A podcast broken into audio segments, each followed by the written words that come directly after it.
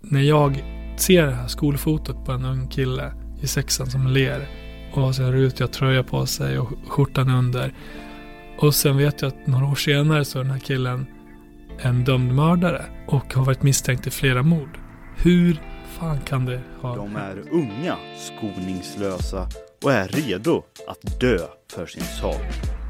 Minst sju olösta mord kan kopplas till två Rinkeby-gäng.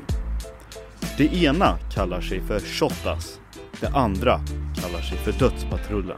Mm, idag kom alltså beskedet från domstolen i Danmark att eh, Dödspatrullens ledare, 22-årige Mohammed Ali, är skyldig till dubbelmord och mordförsök enligt dansk domstol. Du lyssnar på podcasten Djupdyk med mig Ida Höckestrand och med mig Sofie Hallberg.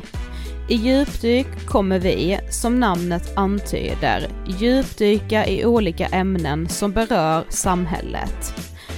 Den här gången fokuserar vi på gängkriminalitet. Jag tycker det har gått för långt. Ska det ske något måste det ske någonting nu för det börjar bli lite, det, det, det, är alldeles för eh, vågat att man kommer hit mitt på dagen och skjuter någon. Det är det värsta jag har sett. Jag har inte varit med någon liknande. Jag har sett massa, eller jag har varit med massa olika skjutningar. Har hört andra skjutningar men det här, så som man har betett sig igår, det, det är inte klokt, det är galet. I det här avsnittet träffar vi Diamant Salihu. Den prisbelönte journalisten som bevakat den dödliga gängkonflikten i Järva i Stockholm. Diamant är författare till boken Tills alla dör som berättar om Shottaz och Dödspatrullen. Två gäng bestående av unga killar som vuxit upp ihop, varit barndomsvänner och som nu blivit dödsfiender som skjuter ihjäl varandra. Som Diamant själv beskriver det, bortom den spektakulära fasaden av droger, vapen och rapmusik som visas upp på sociala medier hänger frågan obesvarad i luften. Varför mördar ni varandra? Vi börjar med att fråga Diamant varför och hur han kom i kontakt med den här konflikten. Så egentligen kom jag i kontakt med den när jag bodde i Borlänge. Eh, för när jag växte upp eh, där så var det jättemycket skriverier om något som, eh, en grupp som kallas för familjen. Sen när jag lämnade Borlänge så var det folk i Stockholm som bara ah, är du från Borlänge? Lilla Chicago, familjen. Och bara, ja. det, det var så man förknippade Borlänge mm. ett tag. Eh, som reporter på Expressen där jag jobbade i 11 år så fick jag resa överallt, alltså utanför Sverige och var bland annat korrespondent baserad i, i London eh, och besökte förorterna i, i, till London där det hade varit oroligheter. Jag var i, i Paris förorter där det hade varit rejäla upplopp som hade uppmärksammats världen över. Och sen hade jag också besökt en hel del av de svenska förorterna i, i mitt jobb som reporter. Mm. Och där träffat en ung generation, eh, framförallt eh, eh, föräldrar som var födda i andra länder. Själva var många av de här födda i Sverige. Men, men alltså, det var jättestor skillnad mellan mig och dem. Jag som hade kommit som ett litet barn till Sverige mm. kände mig mer integrerad än vad de upplevde att de gjorde. Eh, för det, det, var mer så här större de, de kunde inte alls relatera till det Sverige som jag kunde göra på samma sätt. Mm. Det finns ju många skäl till det men, men, men det var också samtidigt som det växte, så här, problemen med skjutningarna växte, ökade för varje år. Fler och fler dog och det var framförallt, och är framförallt, unga killar med invandrarbakgrund mm. som skjuts ihjäl i våra utsatta områden. Och det här gjorde att jag såklart blev väldigt intresserad av att försöka förstå varför. Hur kan den här killen som har vuxit upp här bli mördad? Eller hur kan den här killen gå och bli mördare? Mm. Och alla de här frågorna ledde mig så småningom till att jag fokuserade på en konflikt som jag sen också kom att bevaka och det ligger också nära där jag bor, alltså att jag kan enklare ta mig dit prata med människor och vara där under en längre period. Och eh, det var därför jag också ville fokusera på just den här väldigt uppmärksammade konflikten mellan två grupperingar som har kommit att kallas för Shottaz och Dödspatrullen. Mm. Där det finns också andra dimensioner som gör det här mycket mer intressant att försöka förstå, för mig i alla fall. Hur kan forna barndomsvänner som har sovit över hos varandra, vars föräldrar känner varandra. Mm. Du vet, det finns så många så här punkter, gemensamma punkter hos de här, där de gått skolan tillsammans. Plötsligt blir de dödsfiender och börjar ha ihjäl varandra. Mm.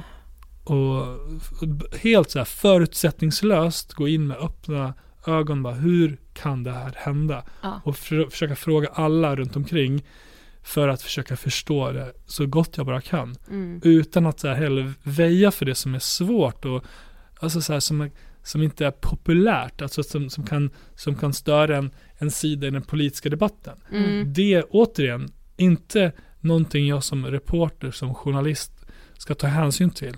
Man ska vara konsekvensneutral och försöka berätta det man ser så sanningsenligt man bara kan. Ja. Det känns liksom som att senaste åren så har det ändå pågått en samhällelig diskussion kring liksom gängrelaterat våld. Man använder ju det som liksom slagträ i de politiska debatterna. Och dessutom så känns det ju som att så här, det finns ju också gäng såklart i olika delar av Sverige, även i mindre städer. Men, men just som du säger så har du valt att fokusera på konflikten i Järva mellan, mellan Shottaz och Dödspatrullen. Kan du liksom bara beskriva vilka är Shottaz och Dödspatrullen? Om man, först ska man placera Järvaområdet på Mm. kartan för människor och det är, eh, det är i, i nordvästra Stockholm, det är alltså i Stockholm, Mm. inte utanför Stockholm eh, som en del säger. Eh, det är ungefär 90 000 personer som bor där, ungefär lika många som i Lund. Eh, och i Husby, eh, Husby, Rinkeby, Tensta så bor ungefär hälf- mer än hälften av de här människorna. Eh, det är alltså i storleksordning ungefär som min hemstad Borlänge. Eh, det är en del av det här miljonprogrammet som man byggde upp på i slutet av 60-talet. Där man snabbt skulle lösa bostadskrisen. Eh, det var för arbetare och tjänstemän från början. Men har kommit att idag bli mer symboliserat med segregation och utanförskap. Där väldigt många personer med utländsk bakgrund bor. Och just i, i då Tensta och i Rinkeby så är det ett stort community med personer som har sina, sitt ursprung i Somalia. Som har då kommit dit i olika omgångar från tidigt 90-tal till ja, men i närtid. eh, Mm. Genom anhöriginvandring och som kvotflyktingar. Så det, man ska liksom alltid komma ihåg att människor, man får liksom inte göra det lätt för sig när man försöker förstå etniska grupper, vilket en del vill göra i Mm. debatten. Mm. Eh, och jag utgår alltid från att jag har mitt ursprung som alban, att vi är så jäkla olika, vi har helt olika förutsättningar. En del bor fortfarande i utanförskapsområden, en del är eh, EU-parlamentariker och Mm. i, eh, världens bästa fotbollsspelare som Kosovare Asllani. Och så finns det journalister och allt däremellan liksom. Men i, i det här community finns det då Eh, som sagt, olika personer, eh, inte en homogen grupp överhuvudtaget. Och i, i runt så här 2015 så fanns det en, en grupp på ungefär 20 personer eh, som var väldigt välkänd i lokalsamhället bland polis och myndigheter, föräldrar och allt det där. Och man hade krismöten kring hur ska vi göra någonting åt det? För vi, har, vi ser att en del unga är på glid, de håller på att mm. begå mm. brott och föräldrarna lyckas liksom inte stävja de här. Man har till och med försökt skicka iväg dem till hemlandet för att uppfostra dem för att de ska få perspektiv på hur det faktiskt kunde ha varit. Mm. Eh, men så händer det en sak sommaren 2011 15 juli. Då är det en, en, en del i den här då, kompisgruppen som är lite äldre som eh, genomför en kupp mot Forex i Täby som också ligger i Stockholm och man får med sig 2 miljoner i, i kontanter. Och det här blir omskrivet i medierna. Man liksom så här, det, är en, det är en stor grej, det är unga killar. Eh, och vid den tiden så har det blivit allt mindre vanligt med den här typen av med värdetransporter och liknande för att det har blivit svårt att komma åt den här typen av pengar, kontanter. Och eh, då är det så att eh, samtidigt som snacket går i Rinkeby om den här jackpotten som man har gjort så är det också en, en grupp yngre killar som inte alls är så nöjda för att de tyckte att de skulle ha varit med på det här. Varför har de här killarna gjort det utan dem? Och vad är det, för de tyckte att de hade varit med i planeringen. Mm. Så de är kränkta och konfronterar en av dem som var med, som var lite äldre, som var 19 då. Och de börjar slåss inne i Rinkeby och det är några som ser det här och så drar de sig undan, får med sig den här äldre killen, eh, som jag förstår under vapenhot, till ett skogsområde som är nära någonting som heter Bromsten, där det är villaområde, liksom till två skilda världar liksom, som skiljs åt av en osynlig gräns och eh, precis liksom, det är, det är, som, det är så bisarrt liksom, hur, hur nära de här världarna är men ändå Mm. så långt ifrån varandra. Precis. Och där, där eh, urartar så att eh, den här äldre eh, killen eh, som är 19 springer därifrån och då skjuts det flera skott. Och åtminstone ett skott träffar honom i ryggen. Och han kommer då över på, några minuter senare traskar över till, till andra sidan skogen. Där en kvinna håller på och knipsar mördarsniglar utanför sitt radhus. Och ser den här unge killen komma och vädja om hjälp. Och inser ganska snart att det är allvarligt. Och, Mm. ja, det här leder till att den här unga killen dör. Och det leder till att vänner känner att eh, de måste hämnas. Personer runt omkring. Och eh, hämnden sker då 29 timmar senare. Och då skjuts en av de då yngre killarna ihjäl på en bensinmack eh, i Brommaplan. En 16-åring. Så första offret är en 19-åring. Och då är han ändå så är här, 16 den äldre och han har inte ens Ja. fyllt 20 år. Ja, jag var tvungen att säga det för att Ja. man, man glömmer bort hur unga de här killarna är. Ja, Precis. verkligen. Och det är liksom början på hela den här konflikten. Som Mm. har, hittills är det ett, ett tiotal som har dödats. Eh, och de flesta av dem har eh, svensk-somalisk bakgrund. Många av de här födda i Sverige. Eh, liksom gått i skolan här men hamnat helt utanför det egna communityt också utanför det svenska samhället. Mm. Ja för samtidigt här i början av konflikten så är det ju också som att mycket saker läggs ner i Järvaområdet, alltså så här viktiga samhällsfunktioner. Jag vet att vi läste i din bok om att ja, men så här, polishuset skulle renoveras och hela liksom, polisstationen flyttades till Kista. Eh, bankkontoret lades ner, alltså, och det kändes som att många var oroliga för vad som höll på att hända med hela området. Det blev liksom som ett område som inte riktigt fanns. Jag tyckte det var intressant också att du sa så här, ja men vi ska komma ihåg att Järvaområdet är en del av Stockholm, det ligger inte utanför Stockholm och det känns med som att Exakt. det läser man liksom så, ja men en bit utanför Stockholm för att det ska inte ha med Stockholm att göra Mm. riktigt. Mm. Det är liksom några stationer bort ifrån från riksdagshuset. Ja, Precis. Och det är bra att du säger det där för att eh, precis liksom samtidigt som de här unga killarna höll på att spårade ur så skedde ju allt det där parallellt under Mm. ganska lång tid. Allt, allt liksom stängdes inte ner och försvann på samma På dag. nej, utan Nej. Det, det här skedde, alltså stads, eh, stadsdelsförvaltningen mm. med jättemycket personal som ändå fanns där som reste in till Rinkeby och eh, åt lunch på de lokala restaurangerna och kunde möta lokalinvånarna på torget och kanske svara på deras frågor och så bygga relationer Mm. till människor som kommer från samhällen där de saknar tillit till myndigheter av förklarliga skäl. Mm. Eh, så försvann allt det. Och så försvann posten och bankkontoret och sen 2014 stängde närpolishuset igen. Mm. Och så kom de inte förrän alltså, förra, förra hösten. och allt det här Mm. i ett område där som har en, Sveriges mest kanske socioekonomiskt utsatta personer som är fattiga. Eh, deras inkomster är mycket lägre än, än, än eh, den medelinkomsten i Sverige. Mm. Eh, många kommer från samhällen där skolan inte har existerat. Eh, där, där det är trångbott. Där skolorna år efter år har uppvisat rätt, väldigt låga resultat när det kommer till hur många som klarar behörighet till Mm. gymnasiet. Mm. Där du har enormt stor press på socialtjänsten. Eh, I kombination med föräldrar som inte förstår det svenska samhället. De förstår inte språket. De kan inte ta till sig instruktioner om hur, hur liksom, vilka rätt eller vilka skyldigheter man har. Mm. Och allt det här i en kokande gryta där, där alla de här utmaningarna finns så sker då de här skjutningarna och väldigt snabbt eskalerande. Mm.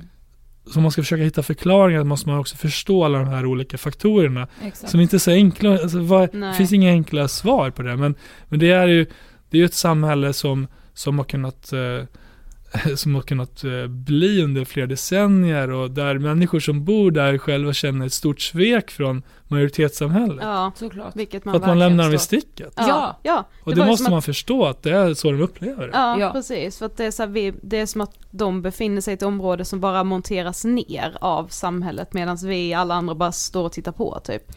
Ja, de har flytt ifrån sina samhällen och där blir det liksom en, vad en del beskrivs som ett eget krig Mm, som de inte kan fly ifrån. idag. mm, precis. För de är fast där. Ja, Och hur, alltså, eh, man måste också komma ihåg, det är väldigt viktigt att betona att den stora, stora majoriteten är så vanliga enkla människor mm, och det är några hundratal personer som förstör för alla andra. Så det är liksom, de flesta är så enormt trötta på det här. Mm. Som har, små barn nu. Alltså det här, de säger, häromdagen var jag i Tensta och pratade med en kvinna som beskrev hur hon hade varit eh, på väg till simhallen med sin åttaåring. Och plötsligt, alltså de hade varit, de hade varit så nära några killar som, som de hade till och med överhört vad de hade sagt. Hur de hade så berättat att Bror, vi måste skynda nu. Bror, vi måste skynda oss nu. Och alltså några sekunder senare, för de höll på med och åkte någon, jag tror det var en moped eller någon skoter. Och sen några sekunder senare blev en av dem skjuten. För de kunde se att någon var ute efter dem Mm. och de här, den här stackars mamman och hennes åttaåring gick alltså där i sin egen liksom, bubbla på väg mot det de ska göra, Simskolan, ja, simskolan. Liksom. Och så händer det här. Och åttaåringen ser det som sker. Mm. En annan gång i våras så var det förskoleelever på en annan skola i, i Husby som var ute och lekte när en, en ung man blev jagad genom Husby av flera personer och sen avrättad liksom inför hur mycket vittnen som helst. Mm. Bland annat barn som är ute och leker. Alltså hur, hur, alltså vem vill det här? Ja. Vad, vad, vad, får, vad väcker det för ångest, för, Mm. för trauman hos, en, hos barn som, som liksom i den åldern Mm. ska behöva se någon bli mördad, mm. avrättad? Är det, liksom, är det det man upplever i krig? Eller ska man verkligen uppleva det i Sverige? Precis. Och det Ja. känns så jävla viktigt att prata om just det också, för det, kan, det samtalet kan jag sakna, speciellt i den politiska debatten.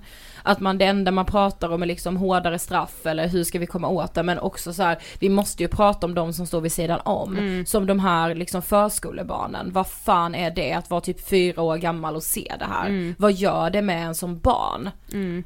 Alltså det är Hur helt kommer det påverka dem framåt liksom? Exakt. Men, men i början av den här konflikten så var det ju ändå saker som liksom pekade i rätt riktning. Bland annat så var ju en del av killarna som, som har varit aktiva i konflikten med i den här föreningen Tro, Hopp och Kärlek. Vad var det för någonting? Ja men det var ett, eh, det var efter att eh, det skett flera rån i området Mm. och människor var oroliga, man, man pratade om att man skulle stänga igen ännu mer Ja. verksamheter. Eh, så var det flera av de unga i området som tog initiativ till att eh, patrullera med gula västar Mm. och hålla vakt olika tider på dygnet, gå, gå i skift.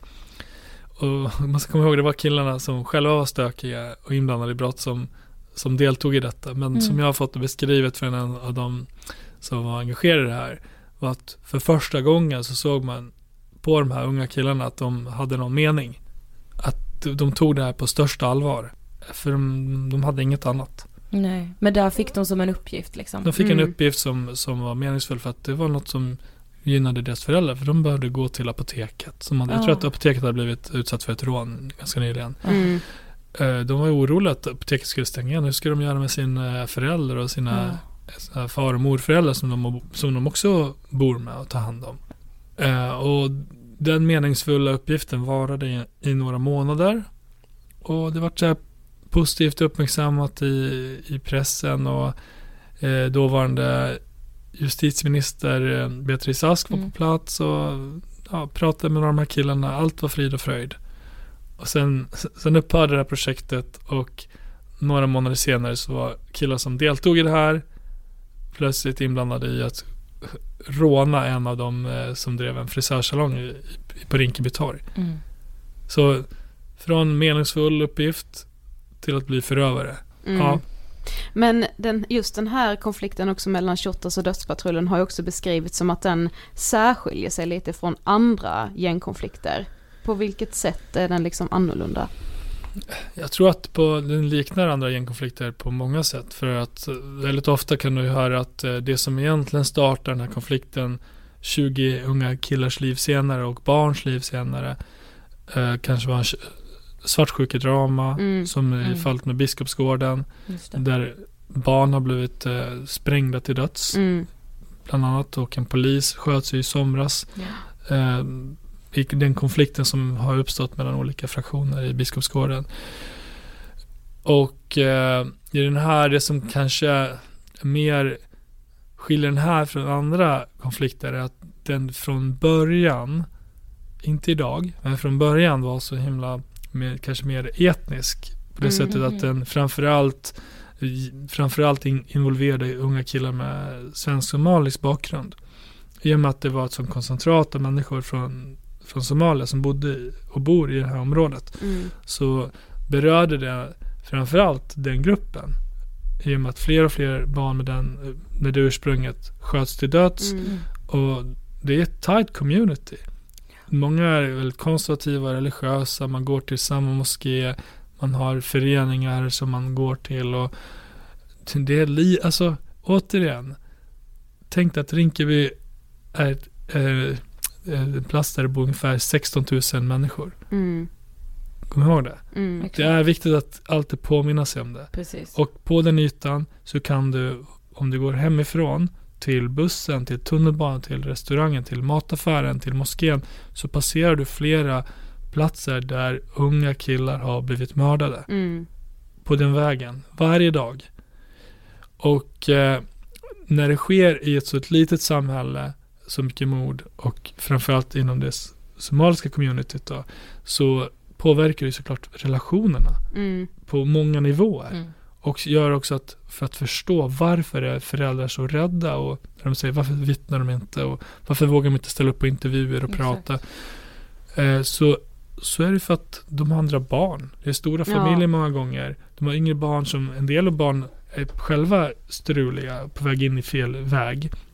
Som de är rädda om att de ska själva bli måltavlor eller kanske vilja hämnas på sina bröder. Ja. Eh, De har, de har andra att tänka på. Mm. Och de möter de här människorna varje dag. Det är många av de här morden som är ouppklarade. Precis. Nästan alla av de här är ouppklarade fortfarande. Mm. Ett fåtal har klarats upp. Och det betyder att de som har mördat eh, deras barn kanske finns där. I grannhuset. Om de var, står och klagar och, och kräver att polisen ska göra någonting. Vad kan hända med dem då? Ja, det är typ sådana tankar de har. Mm. Såklart. Usch, och Mm. alltså fatta och gå runt och vara livrädd på det sättet när man också redan har varit med om något så traumatiskt som att förlora ett barn. Mm. Fy fan. Den ångesten och det, alltså eh, häromdagen så var jag på, på det mötet som jag tidigare nämnde när det var eh, politiker som kom och träffade lokalinvånare så var det en, en, en pappa i området som, som just lyfte det här att han tyckte att, han bara, jag vet inte vad, han har ju bott jättelänge i Sverige och i området och jag vet inte vart jag kan vända mig för att få hjälp. Jo men gå till vårdcentralen, men om jag kommer dit så har jag 15 minuter Ja med läkare. Mm. Och sen ska du kanske få remiss någonstans. Alltså du har människor som kommer från krig, de har trauman med sig redan och sen har de barn som växer upp i vad de själva kallar för ett krig Mm. Mm. och får nya trauman och små barn som upplever de här sakerna. Att det finns, det finns liksom inte tillräckligt eh, krisstöd Nej. som, som en del skulle önska. Och sen finns ett stigma att prata om psykisk ohälsa också. Mm. Eh, alltså, vissa kulturer finns inte ens det ordet. Nej, precis. Och hur, hur gör man då? Mm. Hur, om du är som svensk akademiker, inte pratar andra språk, ska försöka få en relation, få dem att öppna upp sig. Hur gör du det? Mm. Alltså man måste tänka på de här sakerna, att det får så stora konsekvenser på så många olika nivåer. Ja. Eh, utöver det tragiska att man förlorar sitt barn. Mm. Exakt. Precis. Men, men du har ju också pratat med så enormt många som har någon liksom relation till den här konflikten. Alltifrån liksom killarna själva, föräldrar, syskon, civilsamhälle, skolpersonal, religiösa ledare. Alltså skulle du säga att det finns olika uppfattningar om varför våldet trappas upp och varför det fortsätter? Ja, det finns det alltid. Ja. Eh, det finns liksom inte en sanning till den här konflikten. Det finns hundra olika. Mm. Och eh, jag har träffat sådana som har sagt men jag vet hur allt har gått till. Okej, men berätta gärna. Mm. Och sen vet de inte. Alltså Mm. jag, jag har suttit och pratat med, med polisutredare som har liksom gått igenom hundratals förhör och har en teknisk undersökning kring ett mord och så vidare. Och den inblicken har ju inte en kille som kanske känner någon Nej. och som kanske har en lojalitet till någon. Så att alla har olika förklaringar. Om du pratar med killarna själva, om du pratar med poliser, om du pratar med civilsamhället, föräldrar. Alltså det, det som är ganska så tydligt, ska jag säga, i den här historien och säkert många andra också, det är att många pekar finger. Och man, man så står utanför, som jag har försökt göra, så ser jag att alla pekar finger på varandra. Mm. Alla har samma problem, samma mål, att lösa det här, men alla pekar finger på varandra. Socialtjänsten, det är polisens fel, det är de här föräldrarnas fel. De tar inte sitt ansvar. Det är skolans fel. Mm. Det är killarnas fel. Och så vidare, och så vidare, och så vidare.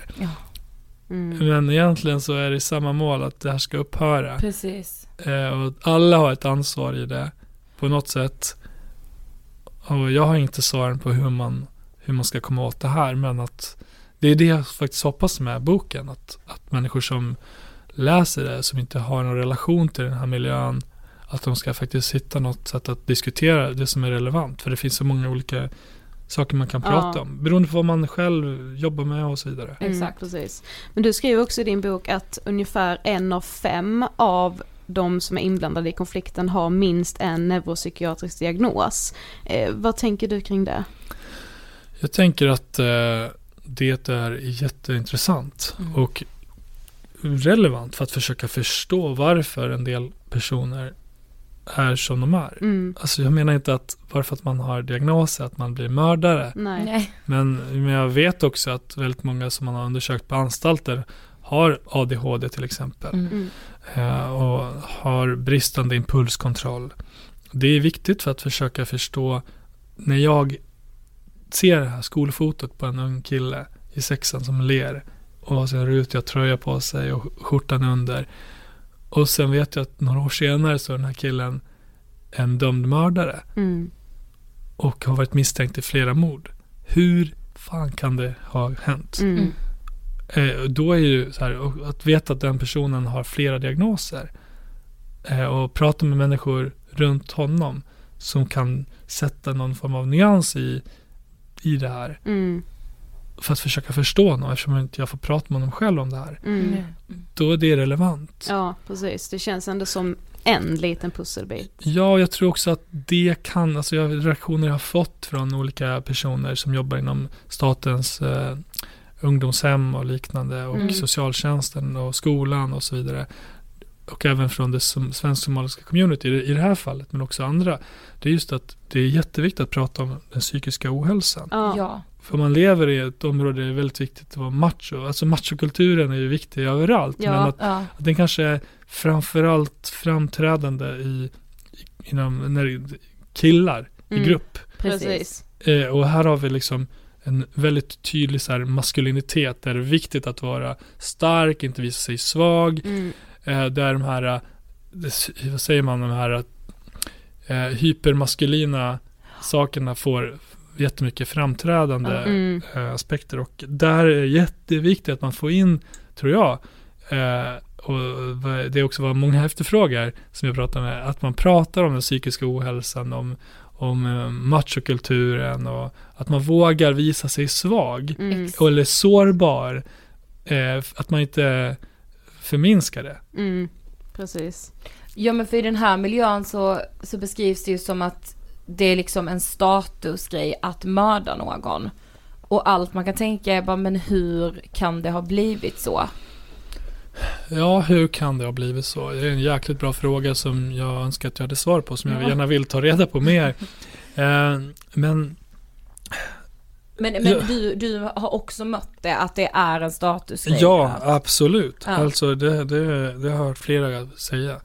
Eh, och det, det som den bild jag får är att de här killarna som är väldigt unga idag, som växer upp i den här extrema miljön där mord är en del av businessen. Eh, då, då blir det också mordbusiness. Mm. Eh, man kan ta beställningsmord, få pengar för det. Det. Det är en väldigt så snabb karriär som man kan göra för att få status. För om man växer upp i ett område där du inte har, du, inte, du har inte pengar. Alltså det är inte så att de här killarna tjänar, det är få som tjänar pengar på droghandeln. Ja. Eh, de som är längst ner i hierarkin som är så att säga springpojkarna, 16-17-åringar. Eh, det enda kapitalet de har det är att de kan göra, om de vill, göra karriär, eh, begå de här hemska sakerna för att få en status väldigt snabbt och stiga upp i hierarkin. De tar på sig brott åt äldre killar, som vapenbrott och annat, eh, för att transportera droger. eh, men också utför mord. Och det är liksom flera, jag har sett sådana flera exempel på det. Hur unga killar kan göra extrema saker för att för att liksom få acceptans från de äldre. Mm. Och det kanske är liksom något som man inte har sett förut i Sverige på det sättet hur unga killar vill vara så kallade hundragubbar. Mm. Just det. Mm. Och du vet så här, sen kallar de varandra hundragubbe på sociala medier. Mm. Mm. Men du har ju ändå kommit i kontakt med en del av de här killarna i konflikten. Alltså hur gjorde du det? För de, de vill väl ändå inte prata? Nej men jag har försökt placera mig på platser där de har varit. Det Mm. vill säga på rättegångar. Och gå fram och prata med dem i- det sammanhanget. Eh, skrivit brev har jag gjort. Eftersom eh, det är väldigt svårt att veta var de här bor. Många har gröna kvartar som de säger. Mm. Där, alltså de kanske står skriven på en adress men bor någon helt annanstans. Mm. Ja. Men jag har skrivit brev på den adress där de är folkbokförda. Oftast är det hos morsan. Mm. Eh, och sen vissa av dem har hört av sig. En del har skrivit till anstalterna när de har befunnit sig där. Eh, och alltså Men till slut har det lett till några möten. Ja men vad har deras inställning till din granskning varit? Eh, en viss nyfikenhet. Mm. Mm. De som har, jag ska säga, de flesta har inte svarat. Nej. Men de som har svarat har varit nyfikna på vad jag håller på med. Och, och jag har faktiskt försökt inte se för mycket. Alltså på telefon utan så här. Och för att jag vet att de inte helst vill prata så mycket på telefon. Mm. Utan så här, kan vi ses? Ska jag berätta lite mer? Och ett möte brukar oftast leda till att man får, så här, de förstår mig bättre och jag förstår dem bättre. Ehm, men att jag, jag utgår alltid som re- reporter från att eh, jag ska inte ha en förutfattad bild om vad människor vill och inte vill. Utan min uppgift är att försöka nå fram till dem och ge dem en möjlighet att komma till tals. Mm. Och vill de det, jättebra. Eh, då kan de bidra till att nyansera bilden av sig själva. För annars är det kanske polisen eller dokument från domstolar som, som jag får gå, utgå ifrån. Ja. Och det är kanske en bild som de inte delar alla gånger. Mm. Så eh, jättetacksam för de som har velat prata. Eh, och jag upplever också att, att en, alltså det här är trots det de kanske har gjort, flera av de här, så är det i grunden personer som eh, man kan relatera till och prata med så här. Mm. Eh, och försöka förstå varandra. För att mm, jag, upplever i alla fall att de flesta som jag har träffat eh, faktiskt inte heller vill att det ska se ut som det gör. Nej. För de har syskon som de inte vill bli ska indragna. Eh, och de också själva tycker att det har gått för långt. Mm. Mm. Precis. Och att någon faktiskt genuint försöker förklara detta. Mm. Genuint vill, för det är den känslan jag har fått. Och då har en del velat bidra med sina pusselbitar. Till Mm. att påverka den bild som jag kommer att presentera. Ja. Men vi läste en intervju med, eh, med dig i DN så beskrev du att många av de här ungdomarna lever i något som du kallade för ett mellanförskap. Mm. Vad, kan du förklara, vad, vad är det? Ja men det är en beskrivning som jag hört några gånger. För jag har försökt förstå varför varför blir de här killarna inblandade i så grovt våld.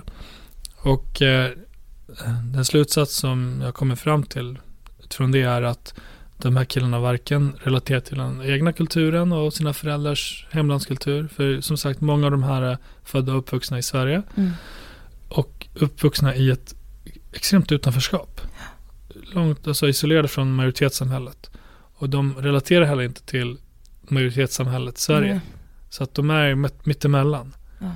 Eh, en kille beskrev det som lingo. Mm. Eh, man är i lingo. Mm. Och, eh, och en person som jag pratade med som gav mig ett sånt svar på, han bara, men jag, för den killen, han, han har på läst på eh, baksidan på boken där jag frågar så här, men bortom den spekt- spektakulära fasaden av droger, vapen och rapmusik som visas upp på sociala medier hänger frågan obesvarad i luften. Varför mördar ni varandra? Han läste det och så sa han så här, jag vet svaret på den här frågan. Han bara, det är för att det är så många, eh, det är så att i resten av Sverige när, när unga mår dåligt så tar de sitt liv. Men där vi växer upp så skjuter man ihjäl varandra istället. Och det tycker jag var så här, ja, alltså det, det var ett svar som verkligen trängde in i mig och Mm. berörde mig så enormt mycket. Ja. För att eh, det sa så mycket. Eh, och det är det man kanske måste fråga sig då. De här som lever i, i mellanförskap eller vad man ska kalla det. Eh, hur mår de egentligen? Mm. Ja, exakt. Det känns som att det är så mycket som är grundat i en enorm hopplöshet och ingen som helst tilltro till framtiden. Alltså jag vet att många säger det med att så här, jag kommer förmodligen inte bli 25 år. Mm. Alltså att de, och de har bara så här sorgligt nog bara f- absolut förlikat sig med den tanken. Och Ja. de, de bryr sig liksom inte. Alltså man ska kanske inte så här. ehm, det här är inte för att tycka synd om dem på något vis. Det är synd om människorna som drabbas av våldet. Precis. Eh, men det, är, det finns ju många saker som man måste förstå. Det är ju att om du har begått brott och har ett register när du är redan 20 bast och så ska du söka jobb. Mm. Det är inte jättelätt för Nej. du, många, många så enkla jobb vill idag att du tar fram eh, eventuellt belastningsregister. Ja, just det. Eh, vilket gör att de är lite isolerade från arbetsmarknaden. Eh, de har redan så här svikit familjemedlemmar. Mm. Eh, de, har- de har liksom ingen plats i det svenska samhället. De, är, de, de har ingenting, de har sina egna vänner. Mm. Så de är låsta på, på många sätt i, i, det här, i den här fällan som de har satt sig i själva i från början. Mm. Och, eh, och dessutom har de vuxit upp i en miljö där flera polare har blivit ihjälskjutna under uppväx- uppväxten.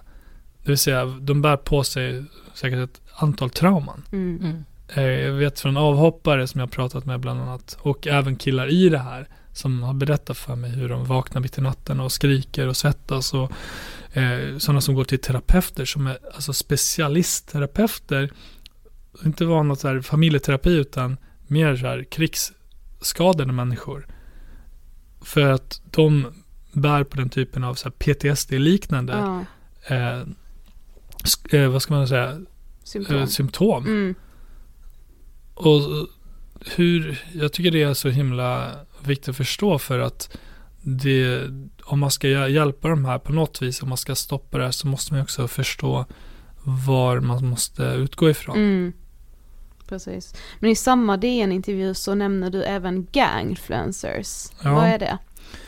Ehm, det är ett begrepp som jag tycker passar väl in på en hel del av de här i gängmiljön som jag har följt under lång tid eh, genom att följa deras konton på sociala medier, bland annat Instagram. Mm. så finns det flera personer som har 10, 20 plus tusen följare. Som är väldigt öppna, de har, kan ha Q&As med sina följare.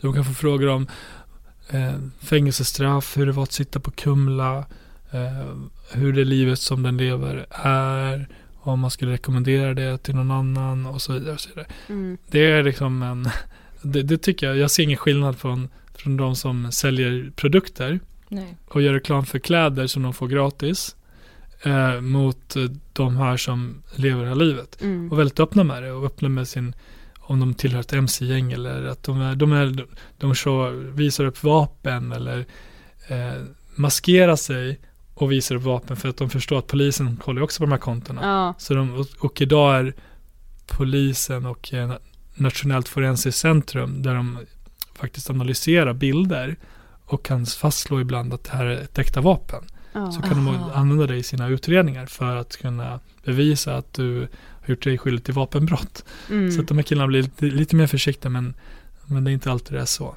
Nej. Så därför passar då gangfluencer ganska Ja. väl för att det är, de är gangsters och öppna med det men också influencers på samma gång. Mm. Ja, jag, jag tycker det ordet är väldigt... Eh, Talande. Ja, men det beskriver ju det väldigt bra. Ja. Liksom. Det tyckte jag även en kille som, som jag anser är gangfluencer när jag sa det till honom. Ja. Jag bara, jag syftar nog på dig när jag säger gangfluencer. Ja. Han bara, ja, ja det, det var ett bra ord, det var ett bra ord. Jag tyckte själv att det passade. Ja.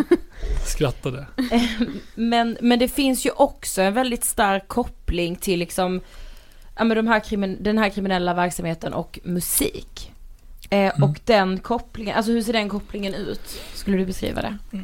Till specifik musik i så fall, eh, absolut. Eh, om man bra, pratar om den specifika gängkonflikten Mm. eh, så parallellt som den här konflikten, som den här uh, utarmningen av viktiga samhällsfunktioner skedde, samtidigt så skedde också en uh, väl så här, på, många sätt positiv utveckling när det kom till musiken. För du hade en ung generation som var jättetalangfulla, som, mm. som inte hade skivbolag bakom sig utan spelade in låtar på ungdomsgården mm. eh, i en studio där och, och la ut det på YouTube och fick jättemycket följare långt utanför sin egen ort. Mm.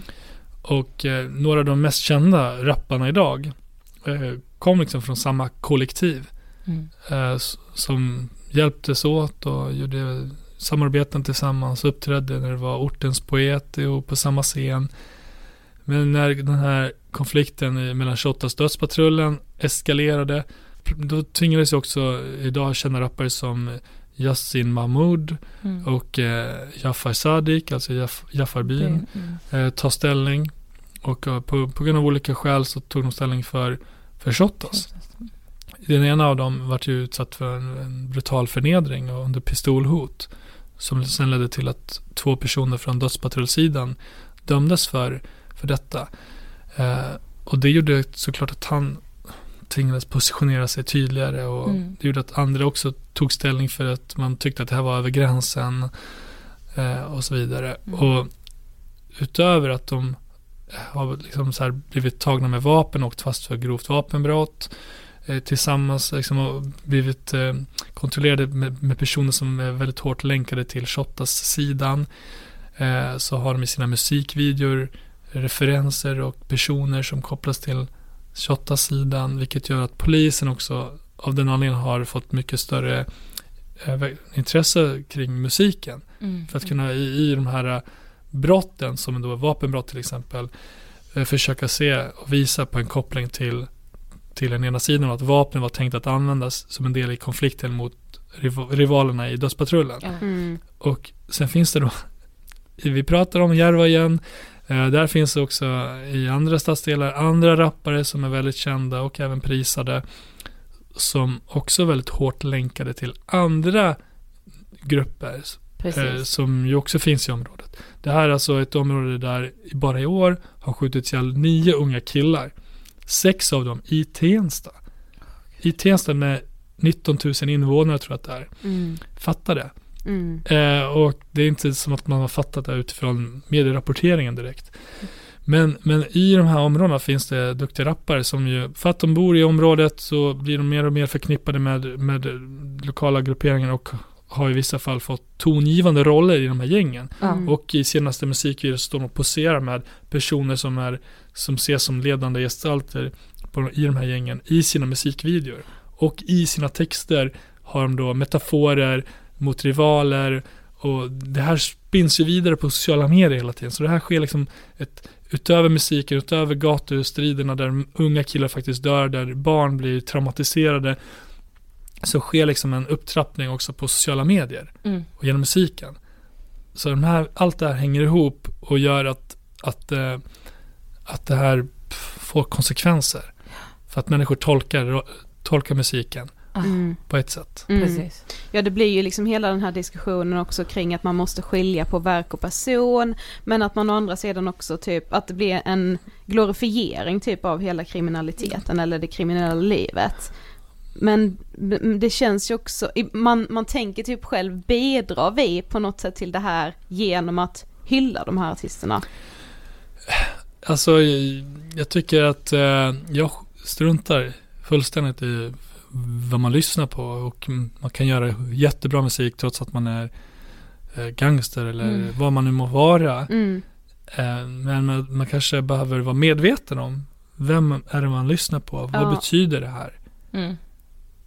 Alltså, det betyder inte att man ska sluta lyssna på någon, men att man ska vara medveten. Och jag har upplevt när jag har skrivit den här boken att jag hade själv inte den här inblicken. Nej, nej det är ju jag, det gemene man inte har skulle nej, jag vilja säga. Det, jag fick den när jag gjorde enormt mycket research och ja. intervjuer och sen oj, musiken har ju faktiskt en viktig roll i det här. Mm. Och det är den jag försökt vi skildra också. Sen, sen vill jag liksom inte ge mig in i den debatten om verk och person och, och så vidare. Men jag tycker att med kunskap så kan man också ta ställning till. Är det något som, som jag vill att jag ska lyssna på eller att mina barn ska lyssna på Mm. och bedöma. Precis som man, man tänker kring an, andra musikgenrer.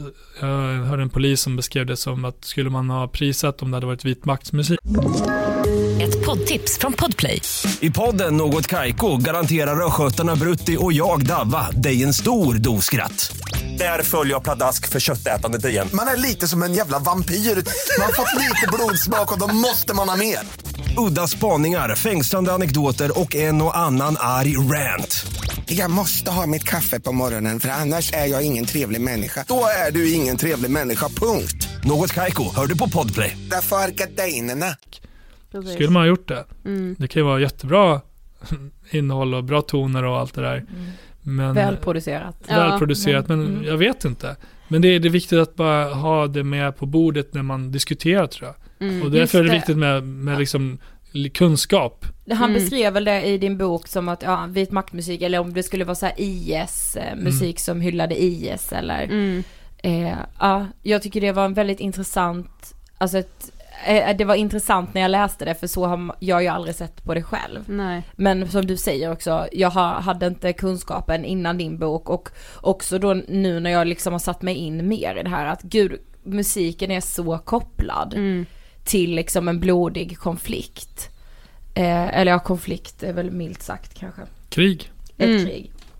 Men som sagt, vi var inne på detta lite innan, men det är ju bara tre av tio mord som är lösta.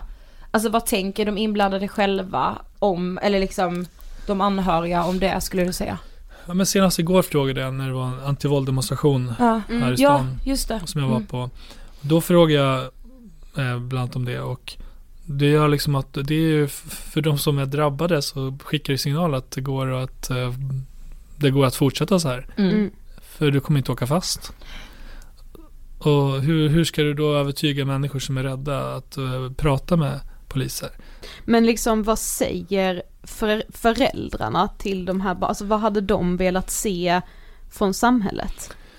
Väldigt vanligt att man får höra det är typ hårdare straff, eh, Mm, mm. l- lås in dem. Alltså en pappa säger i boken att man ska utvisa de här killarna som har mördat hans barn. Mm. Man bara, de är födda i Sverige. Mm. Mm. Men, alltså, från förälders perspektiv så vill man ju ha väldigt radikala åtgärder.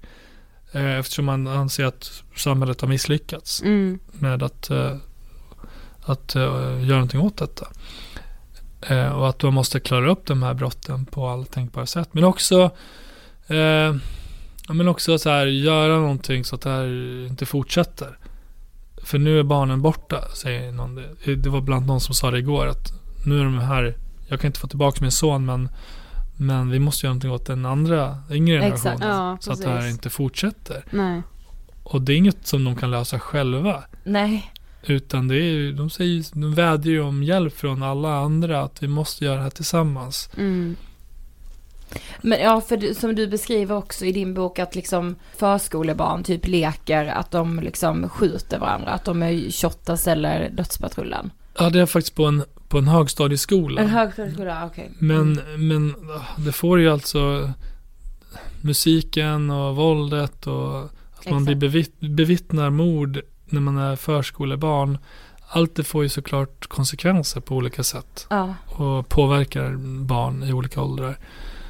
Och hur, alltså, hur gör det, vad gör det med en generation som växer upp i det här och som, som, som, som växer upp i en miljö där man redan vet på förhand att eh, det kommer vara färre som kommer klara grundskolan. Mm. Eh, där man vet att föräldrarna är långt utanför samhället. Eh, många kan inte språket.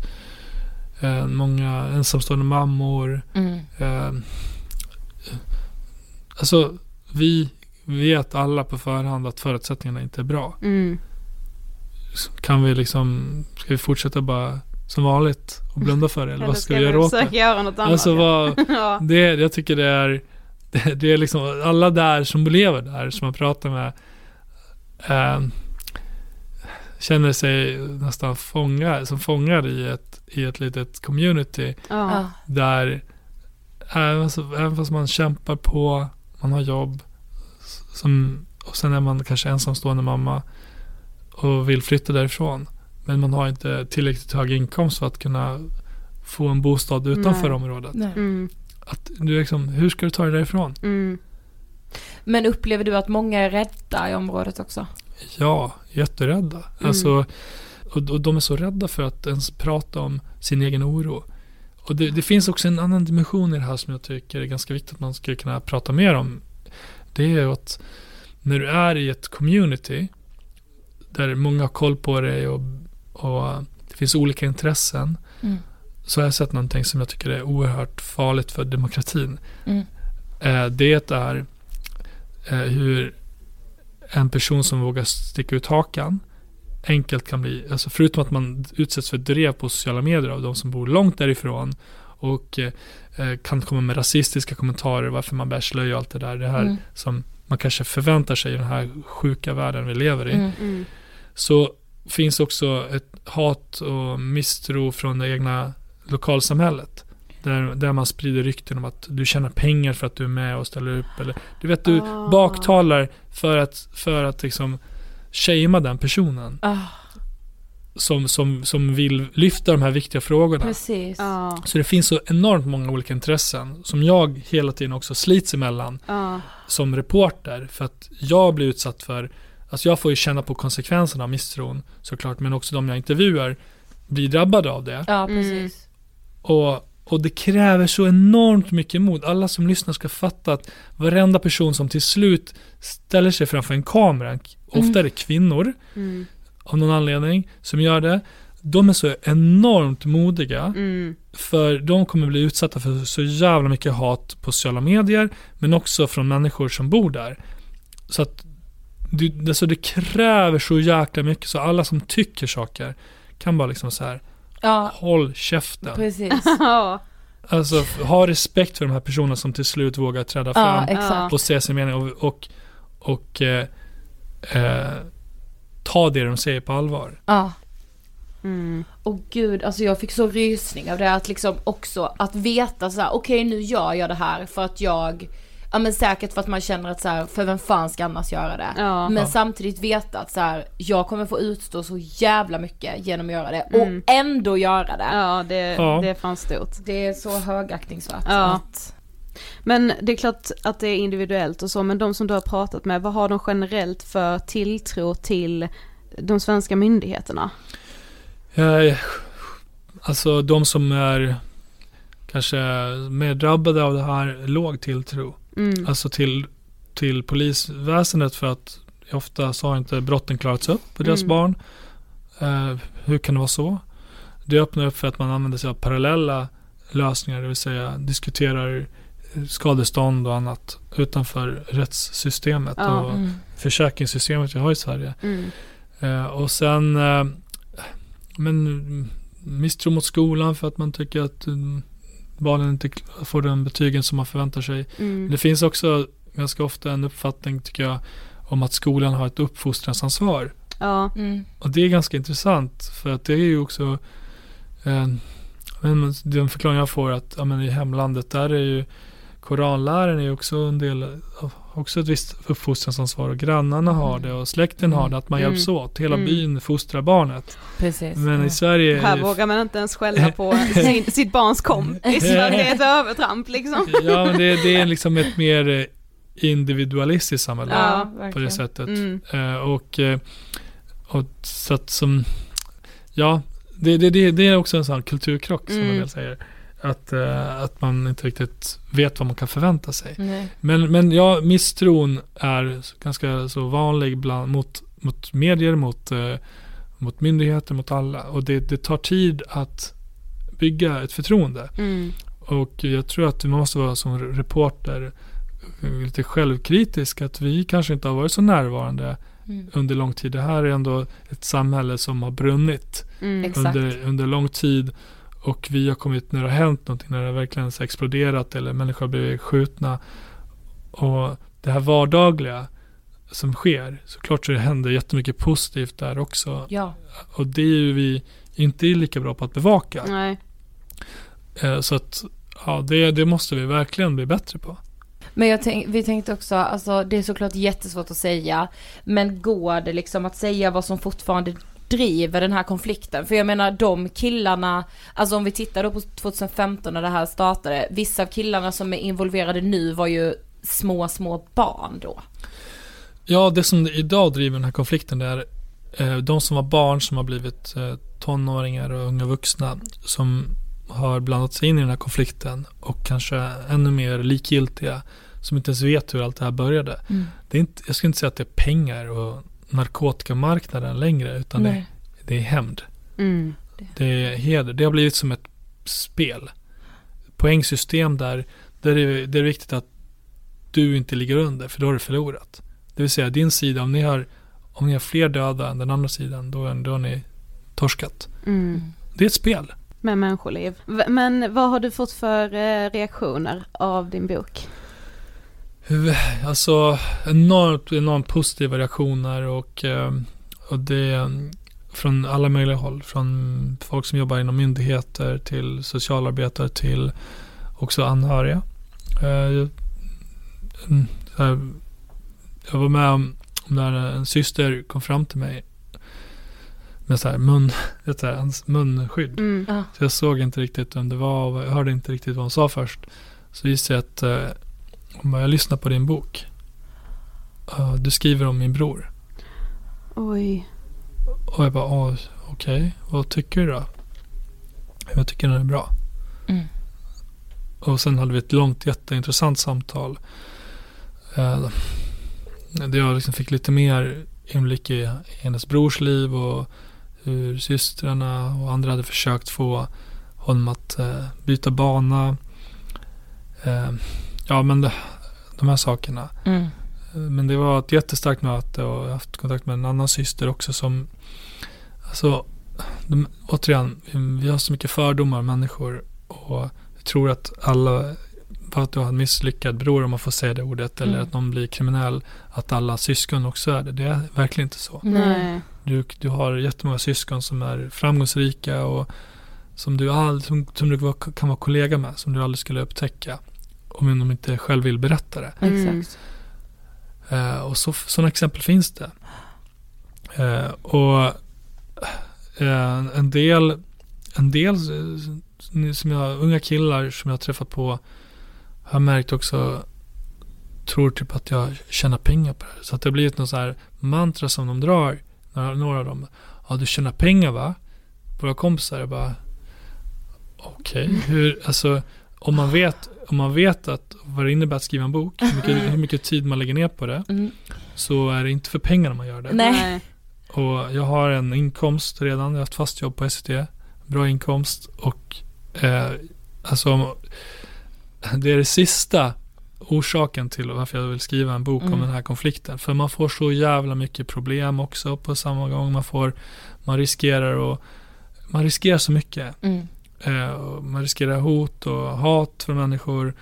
Och eh, det är så jäkla viktigt att allt blir rätt. Mm. Exakt. För att inte någon ska kunna anmärka på faktafel i boken. Mm. Eh, men men eh, då har jag försökt säga till dem att eh, jag vill verkligen, att jag gör det här för att folk ska bry sig. Mm. Folk liksom så här, jag, jag tycker själv att folk har slutat bry sig om att det dör un, unga invandrarkillar Precis. i Ja, förorten. det det blir ännu en siffra Ja. och det är normaliserat för de själva som bor där. Mm. Och man får så här, men vad, vad spelar det för roll? Ingen bryr sig ändå. Mm. Ja men det är därför jag är här, för att folk ska faktiskt ta till sig det. Och om du visste att människor faktiskt hör av sig till mig långt härifrån och, och frågar mig hur kan jag göra, något, finns det något jag kan göra för, för att påverka eller att det påverkar deras dagliga arbete, hur de diskuterar de här psykisk ohälsa, insatser mot unga personer, Mm. stöttning till föräldrar och annat. Så är det, så, det är det liksom resultatet av att man kan få någonting som man begriper och sen kan man utifrån det kanske så frö till förändring. Mm. Och det för mig är så jäkla viktigt. Och, eh, och, och sen frågar jag så här, har ni läst boken själva? Bara, Nej, det har jag inte gjort. Mm. Så jag, jag hoppas att fler av de unga läser, Precis. Tar till sig det på alla sätt de kan, lyssnar och så vidare. För att faktiskt eh, förstå vad jag vill säga. Mm. Och det jag vill säga är ju att eh, det här exemplet, den här konflikten visar hur illojalt det är att ge sig in i den här världen och Mm. hur, hur, hur liksom destinationen är densamma. Mm. På en begravningsplats i Tyresö där alla de här rivalerna ligger på rad bredvid varandra. Lyssna på resterande avsnitt redan idag. Du hittar allt i Djupdyks flöde. För mer information och material kan du kolla Djupdykpodden på Instagram. Tack för att du har lyssnat. Podplay. Ett poddtips från Podplay. I fallen jag aldrig glömmer djupdyker Hasse Aro i arbetet bakom några av Sveriges mest uppseendeväckande brottsutredningar. Går vi in med hemlig telefonavlyssning och, och då upplever vi att vi får en total förändring av hans beteende. Vad är det som händer nu? Vem är det som läcker? Och så säger han att jag är kriminell, jag har varit kriminell i hela mitt liv men att mörda ett barn, där går min gräns. Nya säsongen av Fallen jag aldrig glömmer på Podplay.